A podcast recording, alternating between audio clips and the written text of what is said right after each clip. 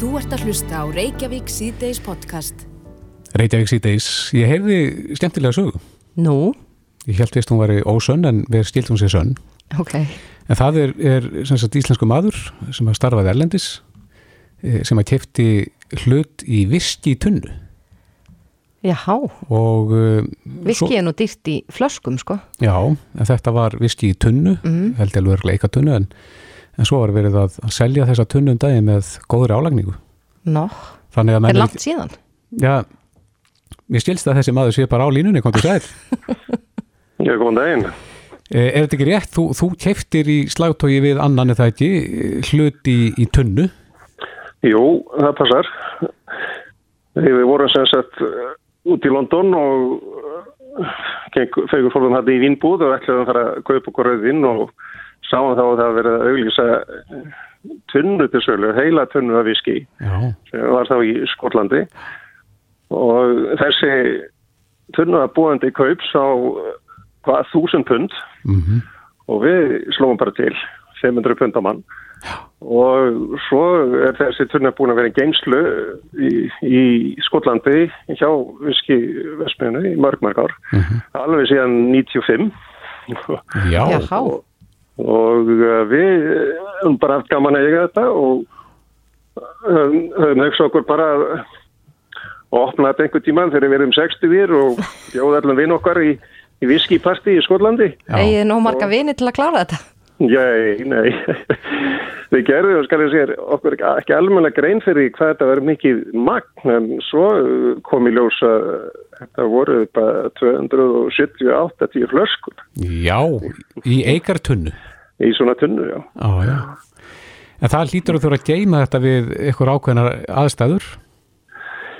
Já, já, já viskiðismeðan uh, sem heitir Springbank, sko, þeir sáum það. Og, og innifall í þessu verði var sagt uh, geimslugjöld til 10 ára og svo hefur að borga eitthvað smávegis geimslugjöld hverju ári. Já En e, það er nú sagt um það, eh, nú þekki ég ekki viskið mjög vel en, það á að vera betra með hverju árunni sem líður eða ekki? Jú, það uh, skána með árunum og má, má samt ekki vera allt upp gammalt Nei, og svo þegar við áttum okkur á því fyrir hvernig er fyrir að við þyrstum nú að fara að gera eitthvað með, þessa, með þetta viski hann hvort að drekka það eða að gera eitthvað og þannig að við fórum að kanna málið og, og ég sá þannig grein í bladi þar sem að maður verið að ræða um viski eitthvað fyrirtæki sem sérhefur í þessum málum og ég hafði bara sambandið þá og sagði með eftir þess að tunnu og hvort það getur sett okkur í köpana og svo bara árið viss af var, var bara komið tilbúið í tunnuna já, upp á hvað? 30.000 pund. 30.000 pund, þannig að úr 1000 pundum í 30.000 Já, en það er ekki alls að sagði því að við fórum náttúrulega að kanna máli betur og heldur fyrst þetta væri eitthvað mistök, þetta væri einu, nulli ofveikið mm en svo uh, var eitthvað sagt að við gætum sett tunnuna á uppbóð og það varð úr og, og hún var sett á uppbóð á netinu. Og þá eru alls konar fólk sem getur bóðið í hana, hvort sem það er í bandaríkjunum eða Asíu eða hvað sem það er og svo var hún slegin núna í sumar. Og hún fór á 40.000 pund. Já, hvað Sko, fyrir áhuga sama, þá var ég að slá upp hérna á netinu hvað 40.000 bresk pund eru mikið í íslenskum krónum og þetta er sko rúmlega 7 miljónir. já, já, Já, hérna, þetta er aldrei ávöxtun þetta er besta ávöxtun sko betra heldur en okkur hlutabrif sem ég nokkuð tíma heitt um hér um bil Myndur þú segja að þetta væri besta, besta fjárfæstingin til þessa? öruglega Já, já Ertu búin að smakka viskið? Já, við vildum nú fá að smakka þannig að við báðum að við tekna til hliðar sko sett á tvær flöskur fyrir okkur þannig að við fengum sítkora, flöskurna Já, og þetta er alveg eðal vöggvi. já, já En fenguði ykkur þá til þess að, að smakka og, og hérna eh, stimpla tunnuna? Já, við fengum uh, vín sérfræðing sem að fjekk líka sko uh, sendt uh, pröfu úr tunnunni og var að meta þetta fyrir okkur Mm og, uh, og hérna, svo er þetta þannig að ef að bara sittur þetta á flöskur í, í Skotlandi þá þarf að borga ímis gjöld sko -hmm.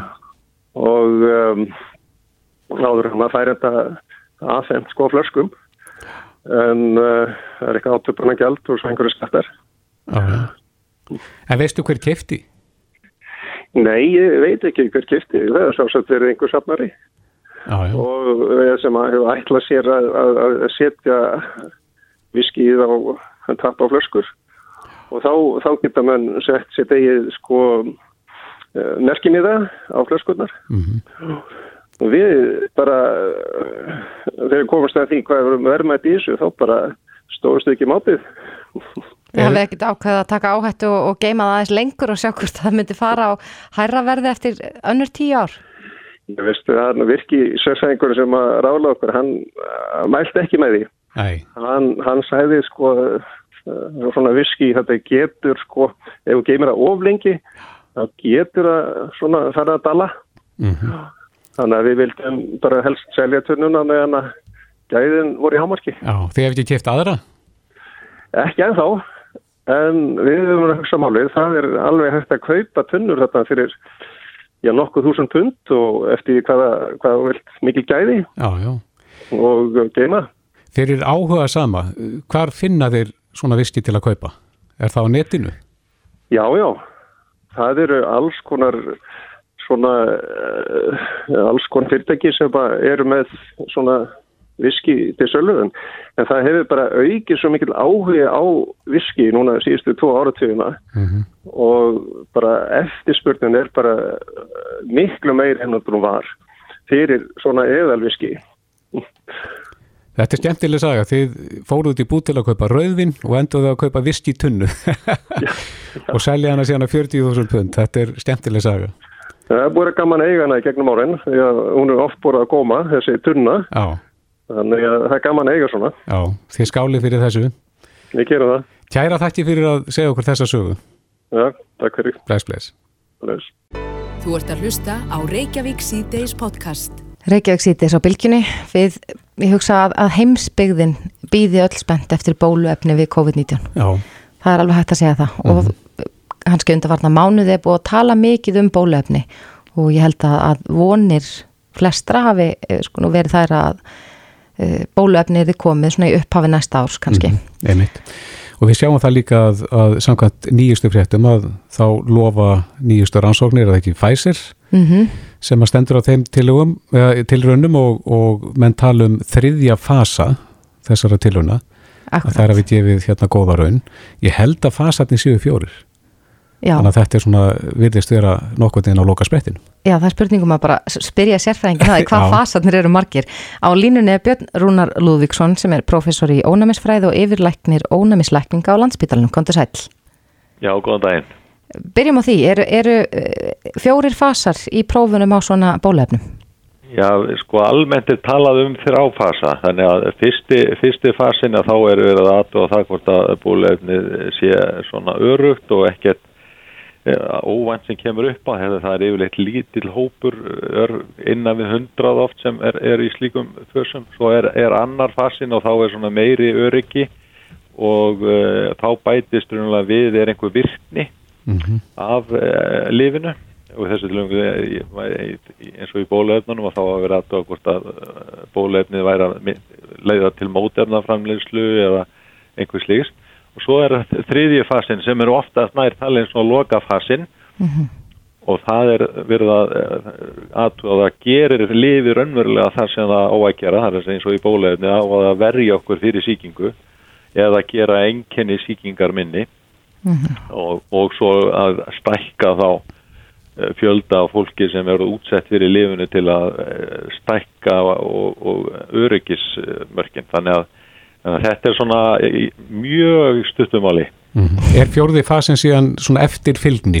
það er svona meiri eftirfylgnin eh, og eh, eins og er til dæmis með þetta lif sem að, að er núna hægst í fréttum frá Pfizer og, og BioNTech að, að þá ætla þeir að fylgja því eftir í alveg í tvö ár Þannig að þegar, þetta, þegar að þriðji fasin gefur svona góða raun, erum við þá að tala um að, að það sé þá að koma tími á að gefa almenningi þetta?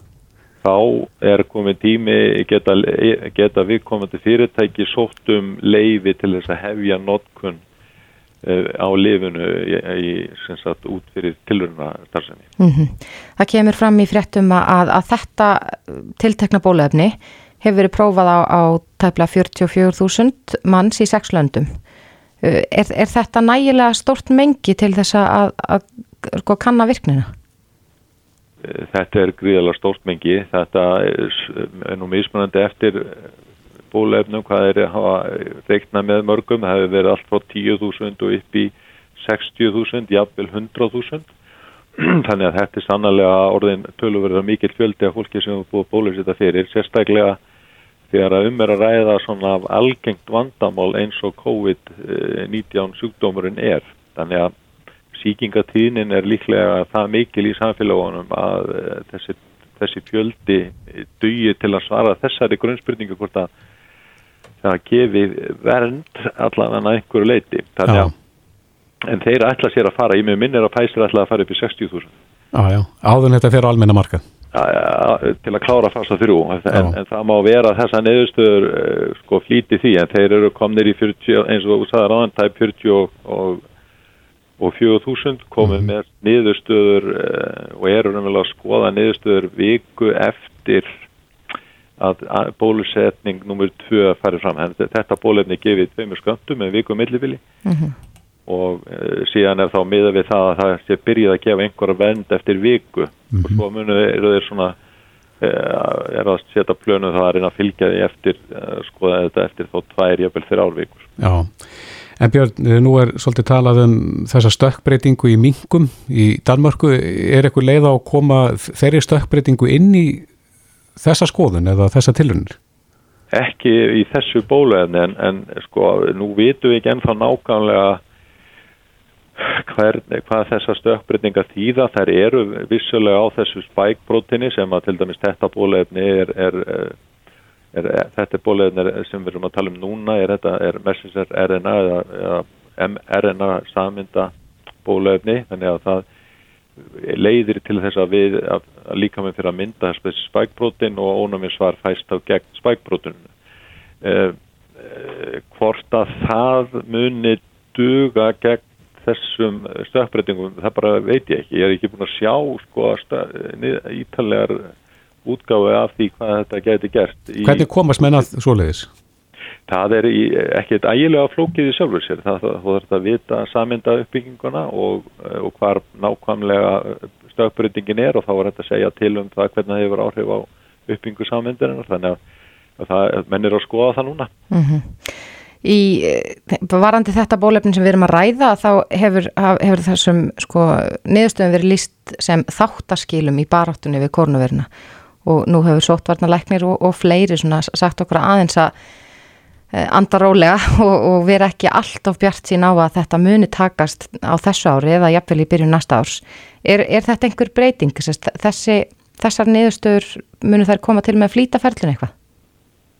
Ég er ekki vissum að koma til með að flýta ferlinu en það hægi ekki á því og, og ég held að það sé, sé að breaking pointin það, það stóru fréttiðanar í þessu er að, að fyrstu niðurstöðuna, fyrsta yfirferðin hún er í takt við það sem menn von, voru að vonast eftir.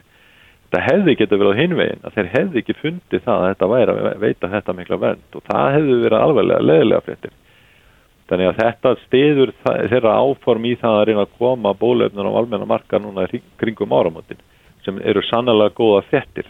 Mm -hmm. um, en við höfum náttúrulega eftir að sjá loka útæktina og, og við verðum náttúrulega að vera bara róleg þangan til en, en ég er bjarsýtt, ég ætla að leiða mér að vera bjarsýtt, við verðum að vera það og ég, og ég held að þessa niðurstöðu gefa til, til þess að vera bjarsýtt, en við verðum að býða eftir niðurstöðan. En Bjarni, er þessi framlegandi, þetta er ekki sá sem að Ísland, eða mun framlega efni fyrir Ísland, er það ekki ykkur annar? Sko, ég er, er ekki alveg, þú voru að spyrja á Þórálu því, ég er ekki alveg kláraði hvað hvort hann var búinn að... Uh, voru við ekki í, í ykkur norrænu pakka? Að, Jú, en Pfizer er nú að einhverju hluta sko í því, ég bara veit ekki hvort að Ísland eh, er nákvæmlega aðilega þessu bólefni eða engung á AstraZeneca eða einhverju fyrir, við erum bara ekki alveg hvað þá er hinnu. Mm -hmm. Nei, við fylgjumst áfram mjög spennt með þessu en býðum eftir niðurstöðunum. Björn Rúnar Lúðvíksson, professor í ónæmisfræði og yfirleiknir ónæmisleikning á landsbytalanum. Kæra þakki fyrir þetta. Takk fyrir leiðis. Hlustaðu hvena sem er á Reykjavík C-Days podcast. Jæja, Reykjavík síðdeis. Herri, ég skellti mér í IKEA í gær. Já, þú komst nú ekki langt inn samt. Nei, nei, ég hérna lendi þarna í bílaröð. Það var nú reyndar svolítið hérna skemmtilegt, eða ekkert skemmtilegt kannski, en það voru sumir óþreyju fullir hana. Mm Það var til dæmis eitt sem að hérna, þetta var þessi langa bílaröð, kemur hérna og allar að stýta þessi leið, allar að tróða sér inn í röðina. En, en menn voru nú ekkert á því að honum þarna inn, þannig að hann einhvern veginn bara fórum með skottað millir lappana í burtu. Er það ekki bara þannig að maður þarf bara að vera þólmóður og býða í röð? Bara eins og allir aðrir, Já. ekki spurning. En uh, þetta gekk þannig fyrir sig að, að konan, hún hérna pantaði af netinu. Mm og svo fórum við þessa röð. Þegar við komum þarna að hérna, vöru afgreiðslunni að þá bara rendum við í númera stæði, út kemur starfsmæður, spyrum nafn og númer. Og svo fengum við vörurnar afhendar í bílinn. Þetta hljóma nú bara frekar vel þetta því að auðvitað er IKEA stór verslun og ég hef alveg farið á og ætlað að kaupa já, kannski spritkerti Mm og gengið út með eldhús virðir þetta er, þú veist, það er allt svo fallega sett upp og þetta er svo að þetta væri kannski bara, er ágæðið spartnaður fyrir fólk eins og mig sem Já, að en, hefur ekki heimil á sér en hvað með hérna IKEA? Þeir hljóta að vera að tapa á sig eða hvað?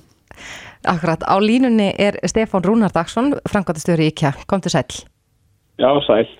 Já, þið vöktuð aðtykli þegar að, að reglu voru hertar og, og þið lokuðu verslunni. Var eh, þetta, krafist þetta mikils undirbúnings? Sko, núna fengum við mjög stutt að undirbúing, í rauninni bara sólaring. Þannig að við vorum hér hópur manns að eftir lokun á förstu degi að undirbúa búðinni til það að breytin í netverslun. Já, Og það tók uh, þá nokkuð tíma. en hvernig hefur þetta gengið? Þetta hefur gengið bara nokkuð vel. Þetta hefur gengið svipa vel eins og í, í fyrirbylgu þegar við þurftum líka að loka og þá lokuðum við sex vikur. Mm vestlunni sjálfri og uh, viðskiptavinni virðast þarna líka við þetta að geta panta á netinu og sótt og við gerum reyndar, við hefum ekki gert þetta áður en við þekktum viðsverður heim hjá IKEA og geti pantað á netinu og sótt í vestlagnar við hefum ekki verið að bjóða upp að bara út á plássleysi við urðum náttúrulega að grípa til til einhverja ráða þegar það lokaðist í fyrstu bylgu og þá höfðu við þrjá daga þess að undirbúða tölugerfi á vestlunum og allt starfsfólk og annað Mm undir þessa breytingu og gekk alveg ótrúlega vel þá. Og ég raunum að segja að það sé sama núna sko bara þegar við, til, eða, þegar við tilkynum á förstu deginum að við munum loka þá reynda að koma mikið að fólkinga til okkar á förstu deginum og kláraði því viðskiptið allan að hluta til en eh, þegar við settum vefin í gang kl. 8 kvöldi þá byrjuði að streymin pantanir og, og, og hefur gert síðan sko Akkurat. Sjáu þið fram á að halda þessu áfram semst að leifa vefverslun með þessum hætti, já, jafnvel þó að þið opnið aftur? Já, við, gerum, við, við stoppum í viku senast. Það sem við höfum er rauninni ekki mikið pláss undir bandanir. Mm Þannig að við, við stoppum í viku þegar við fengum vatna senast og, og komum út þeim pöntunum sem voru ásóttar og byrjuðum sín aftur og allir höfum ekki sama fyrirkomulega núna. -hmm. Að við lokum í einhverju daga á, á þessa, þessa þjónustu og opnum sín aftur. Er þetta bara smávaran sem hægt er að Nei. panta svona eða Það er bara allt, þú getur bandað allt.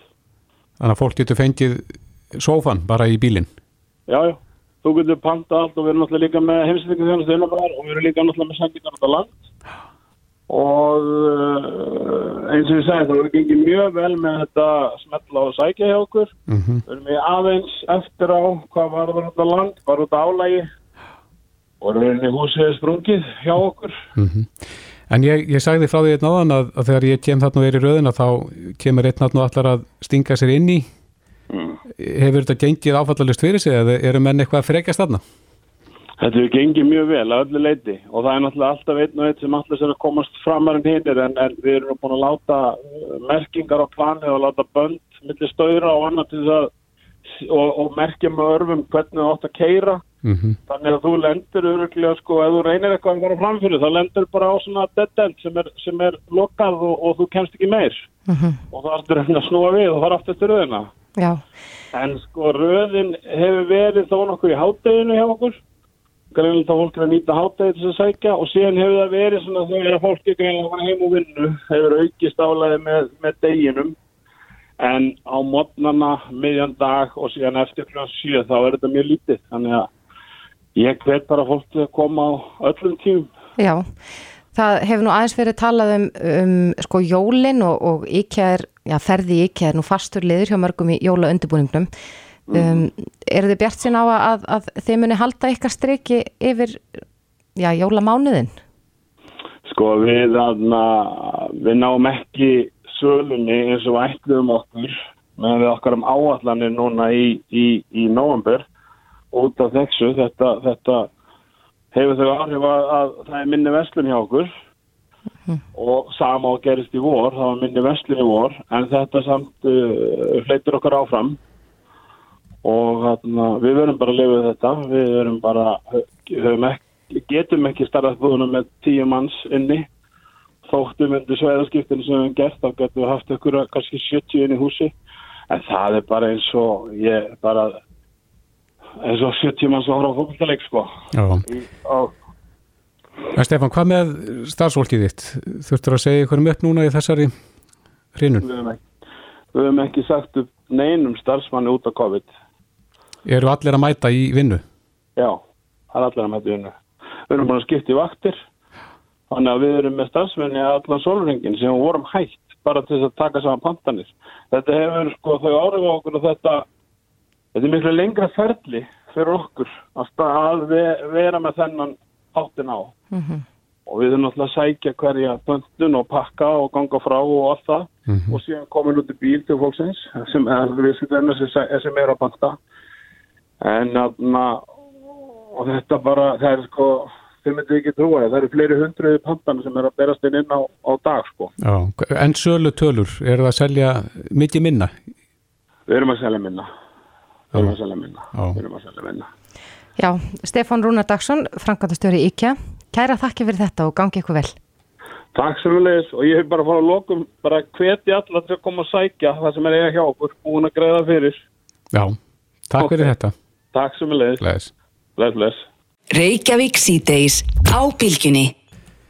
Jæja, Reykjavík síðdeis. Eh, eitur efna miðstöðin, eða eitur miðstöð landsbítalans, mm -hmm. sendi frá sér tilkynningu núna fyrir stjæmstu, það sem að er verið að tala um að það byrjast ómörg símtöl vegna barna sem hafa komist í nikotínpúða.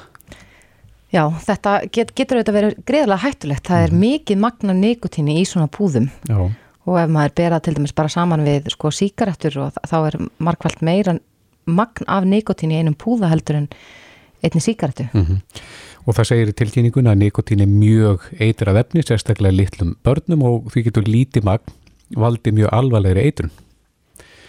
En eh, á línunni er eh, Curtis Snook sem er sérfræðingur í bráðalækningum og hefur starfað fyrir eitur efnastöðina eh, um þó nokkurt steið. Kom til sæl Curtis?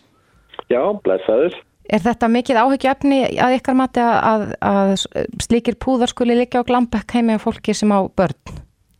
Já, í raun og veru það er því það eins og þú segir tekur lítið makt til að valda bara alvöru eitrun í börnum og einnig það er hvernig fólk er að meðhandla þessi efni, veist, yfirleitt þau geima svona hættulegum efnum þar sem börn ná ekki til en það viðist eins og þessi þessir púðar þá eru bara að henda það út í flöskum eða veist glössum sem eru á borðinu þannig að börn komast svona auðarlega inn í þessa púða mm -hmm. og, og þá getur uh, skapað vandræði skulur. Að hver eru eiturunar einkennin? Já, nikotín er svona taugabólsefni sem uh, verkar bæði á svona hvað er kallað svona taugamótum uh, en, en í gegnum það uh, veldur svo bara ógleiði og uppkost og svona æsing sem kemur svona í upphafi. Svo er ári sem kemur á tauga og vöðvamótum og fyrst er svona smá æ, uh, svona æsing og þú sé svona tittring í vöðunum mm -hmm. og svo kemur svona blokk þannig að í raun og veru dánar orsök fyrir þá sem fá nikotín eitrun frá miklum skamti þau deyja frá undurnustopp því það er svona vöðva lömun sem kemur í kjölfari. Svo það er svona, þessi enginni svona dróast yfir tíma, fyrst er svona ægting og ógleiði uppkost og svo setna er, er maðurinn svona sljór og getur lendi í undurnustopp eða það er stór skamtur. Hversu mikið uh, nikotín þyrfti til dæmis barna innbyrða til þess að gæti verið lífshættulegt? Já, ég raun að veru eh, það, svona skamturinn sem er bannvæð með því að borða nikotín er ekki alveg uh, viss en, en þau reikna þetta cirka 40 til 60 milligram. En, en uh, svona nikotín í magni sem er svona 4 til 5 milligram um það bíl getur valdið alveg samt enginni í börnum. Hvað eru mörg uh, milligram í einum svona púða? Já, í raun og veru, ég var aðeins að lesa um þetta á netinu. Það segir til dæmis með lit, likur í strong, en ég er ekki að uh, nefna bara eitt sem er vörsta eða neitt svolítið. Ég var bara að nefna þetta sem dæmi. Það er sagt að vera 0,7 gram af, uh, nik, veist, af, af tóbak af þessu tægi í pókanum og nikotínmagn er sagt að vera 14 milligram á gram sem býður að í raun og veru það er umslag við býr 10 milligram af nikotín í púðanum. En, en uh, það sem, þú veist, það myndi vera mjög alveglegt ef í raun og veru frásóið var 100% en sem betur fyrir það er ekki þannig skrur. Þau taka upp einhver smá hlutfall að því kannski 10% þess vegna sjáum við ekki hluta þessu á hverjum degi, þú veist. Mm. Því, því sem betur fyrir frásægið er cirka 10% af nikotín sem er í tóbak. Það er ekki framleitt til að borða í raun og veru. Nei, en mikið af þessum púðum eru með svona ymsum bragðefnum eins og þú sagðir eh, með lakrísbragði og, og, og börn getur þó jafnvel haldið að, að allavega með að við lyktina þetta væri eitthvað eh, til þess að borða.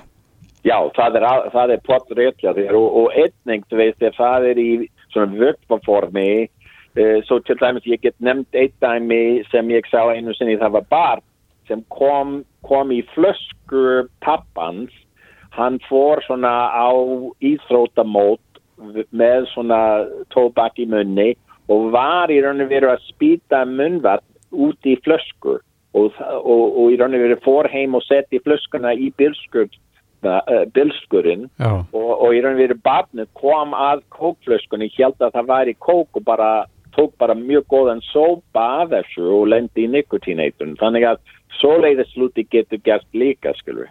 Einmitt. En hver, eru, hver eiga viðbröðin að vera ef að, ef að foreldrar hafa grunum það að, að barnið sé með nikotín eitrun? Hver, hver eiga fyrstu viðbröðin að vera? Já, í raun og veru ef það eru enginni í öllum þeim tilfellum uh, foreldrar eiga bara að fara með barnið upp á bráðumótsjökur skilur átt að lækni skoða uh, barnið því þetta, þetta má vera lífshættulegt uh, en, en það vandur bara að fylgjast með svona undunar og, og þú veist að, að, að barnið er að anda nóg vel og verður ekki í undunastopp það er kannski aðal lífshætta Er, er hægt á því að, að fóreldrar skammist sín fyrir að, að hafa verið með slíka efni á glambekk og, og vilji síður fara með börnin á bráðumóttökuna?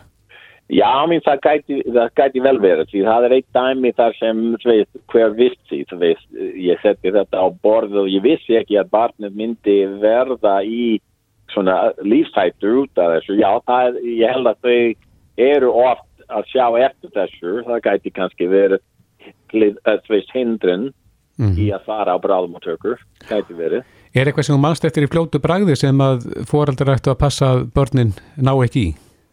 Já, mín í raun og veru, ég held að það aðalmálið er fyrir foreldra að hugsa um þetta eins og liv. En við vorum einu sinni að tala mikið um það að geima livjum ekki þar sem börn ná til þeirra.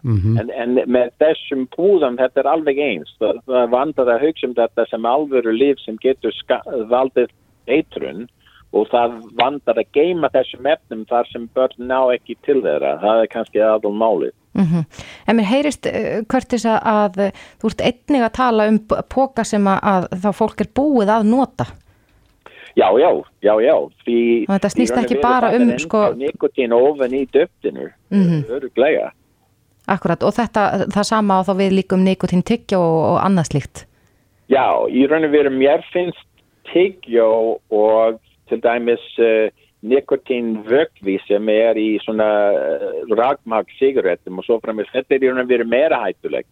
Mm -hmm. Ég held að frásögið fyrir svona efni er meira, hlutfatslega meira, skilur. Mm -hmm. En það er líka mikið af nikotini í þessum efnum jafnvel, skilur. Já, þetta er áhugavert og við skulum vona þeir sem að eru að nota svona, þeir tæti mark á þessu. Curtis Snúk, sérfræðingur í bráðalækningum, kæra þakki fyrir þetta.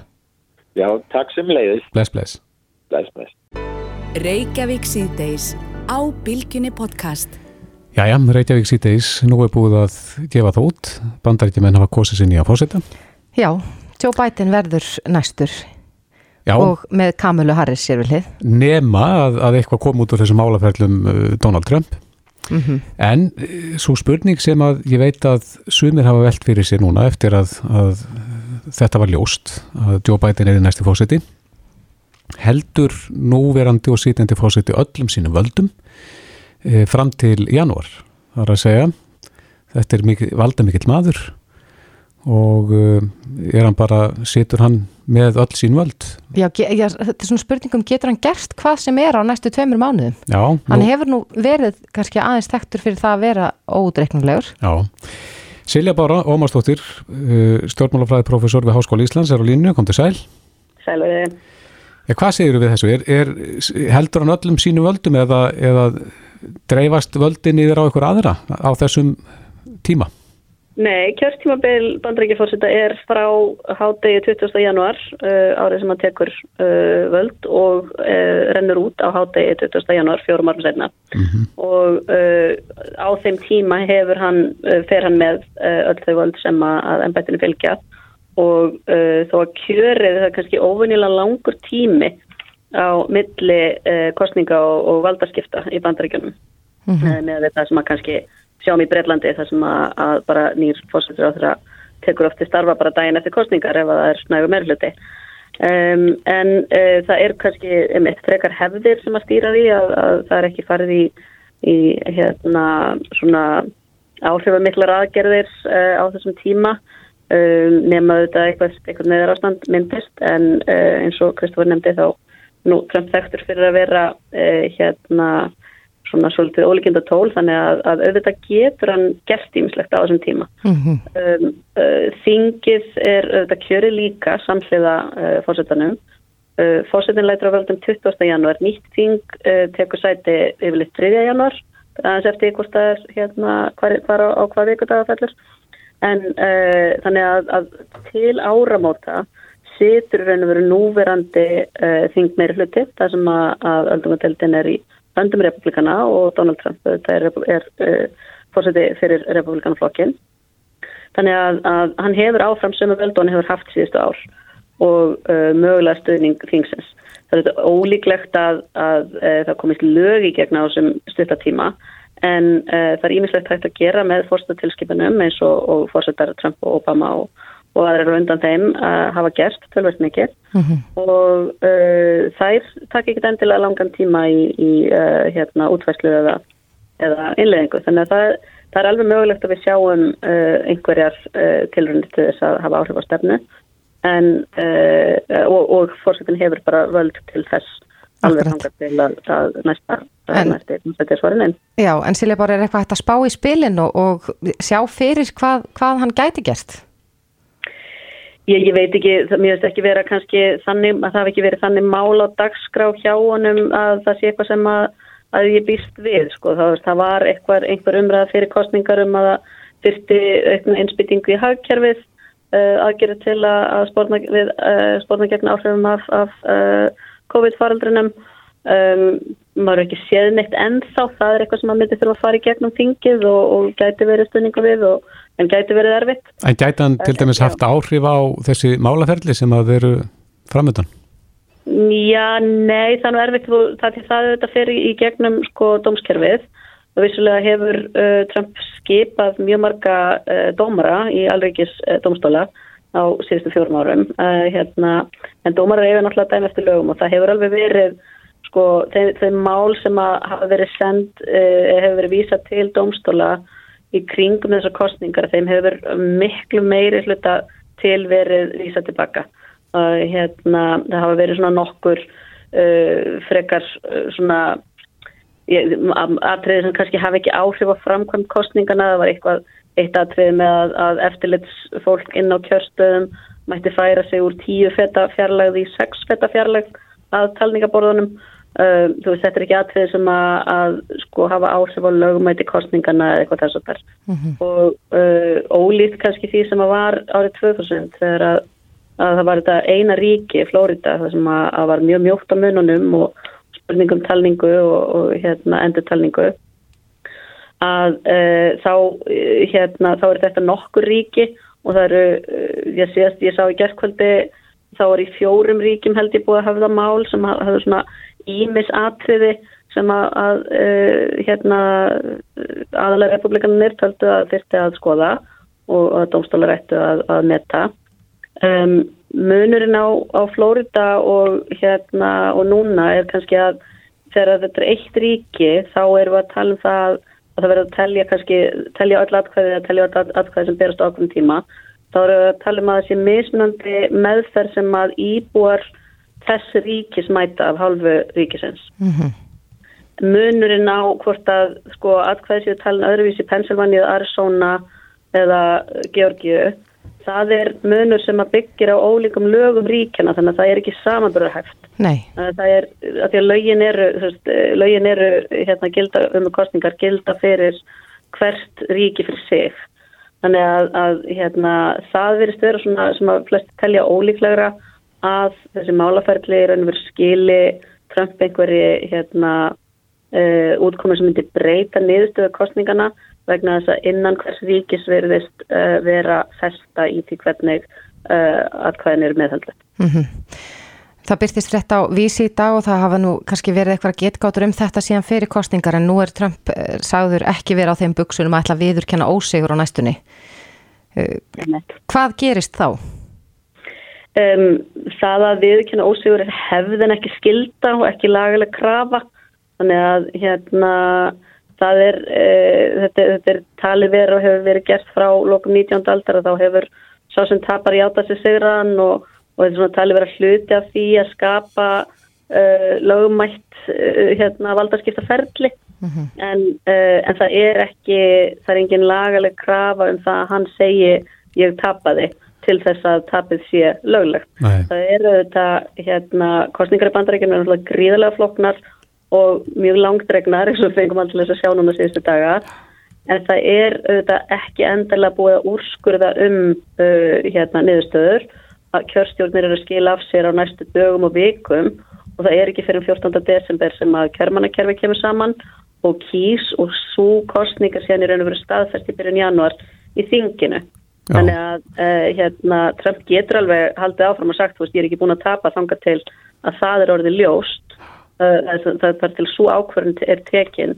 En uh, þessi niðurstaða sem að, að sko allir fjölmjölar í bandleikunum með uh, með sín tölfræði líkun og, og rannsóknir pluss niðurstöður uh, hérna, stórs me, mikils meiri hluta atkvæða, talin atkvæða eru hérna, það getur verið eitthvað skekkjumörk á því hversu mörg nákvæmlega atkvæðin eru en niðurstöðunar verða, það, það breytast ekki hérna Þannig að, að Trump þarf að sætta sig við þetta á einhverjum tímapunkti. Já, rétt eins í lógin nú kom uh, fyrirvændi fórseti bandaríkina George Bush uh, fram og í rauninni sko sagði að þetta væri þetta væri óíkjandi niðurstaða. Kemur það til með að breyta einhverju? Já, það er kannski hérna, það eru auðvitað það sem að, að fólk hefur óttast er að, að skila bá Trump svona kynnti undir óróleika í samfélaginu og jafnvel uh, átökum.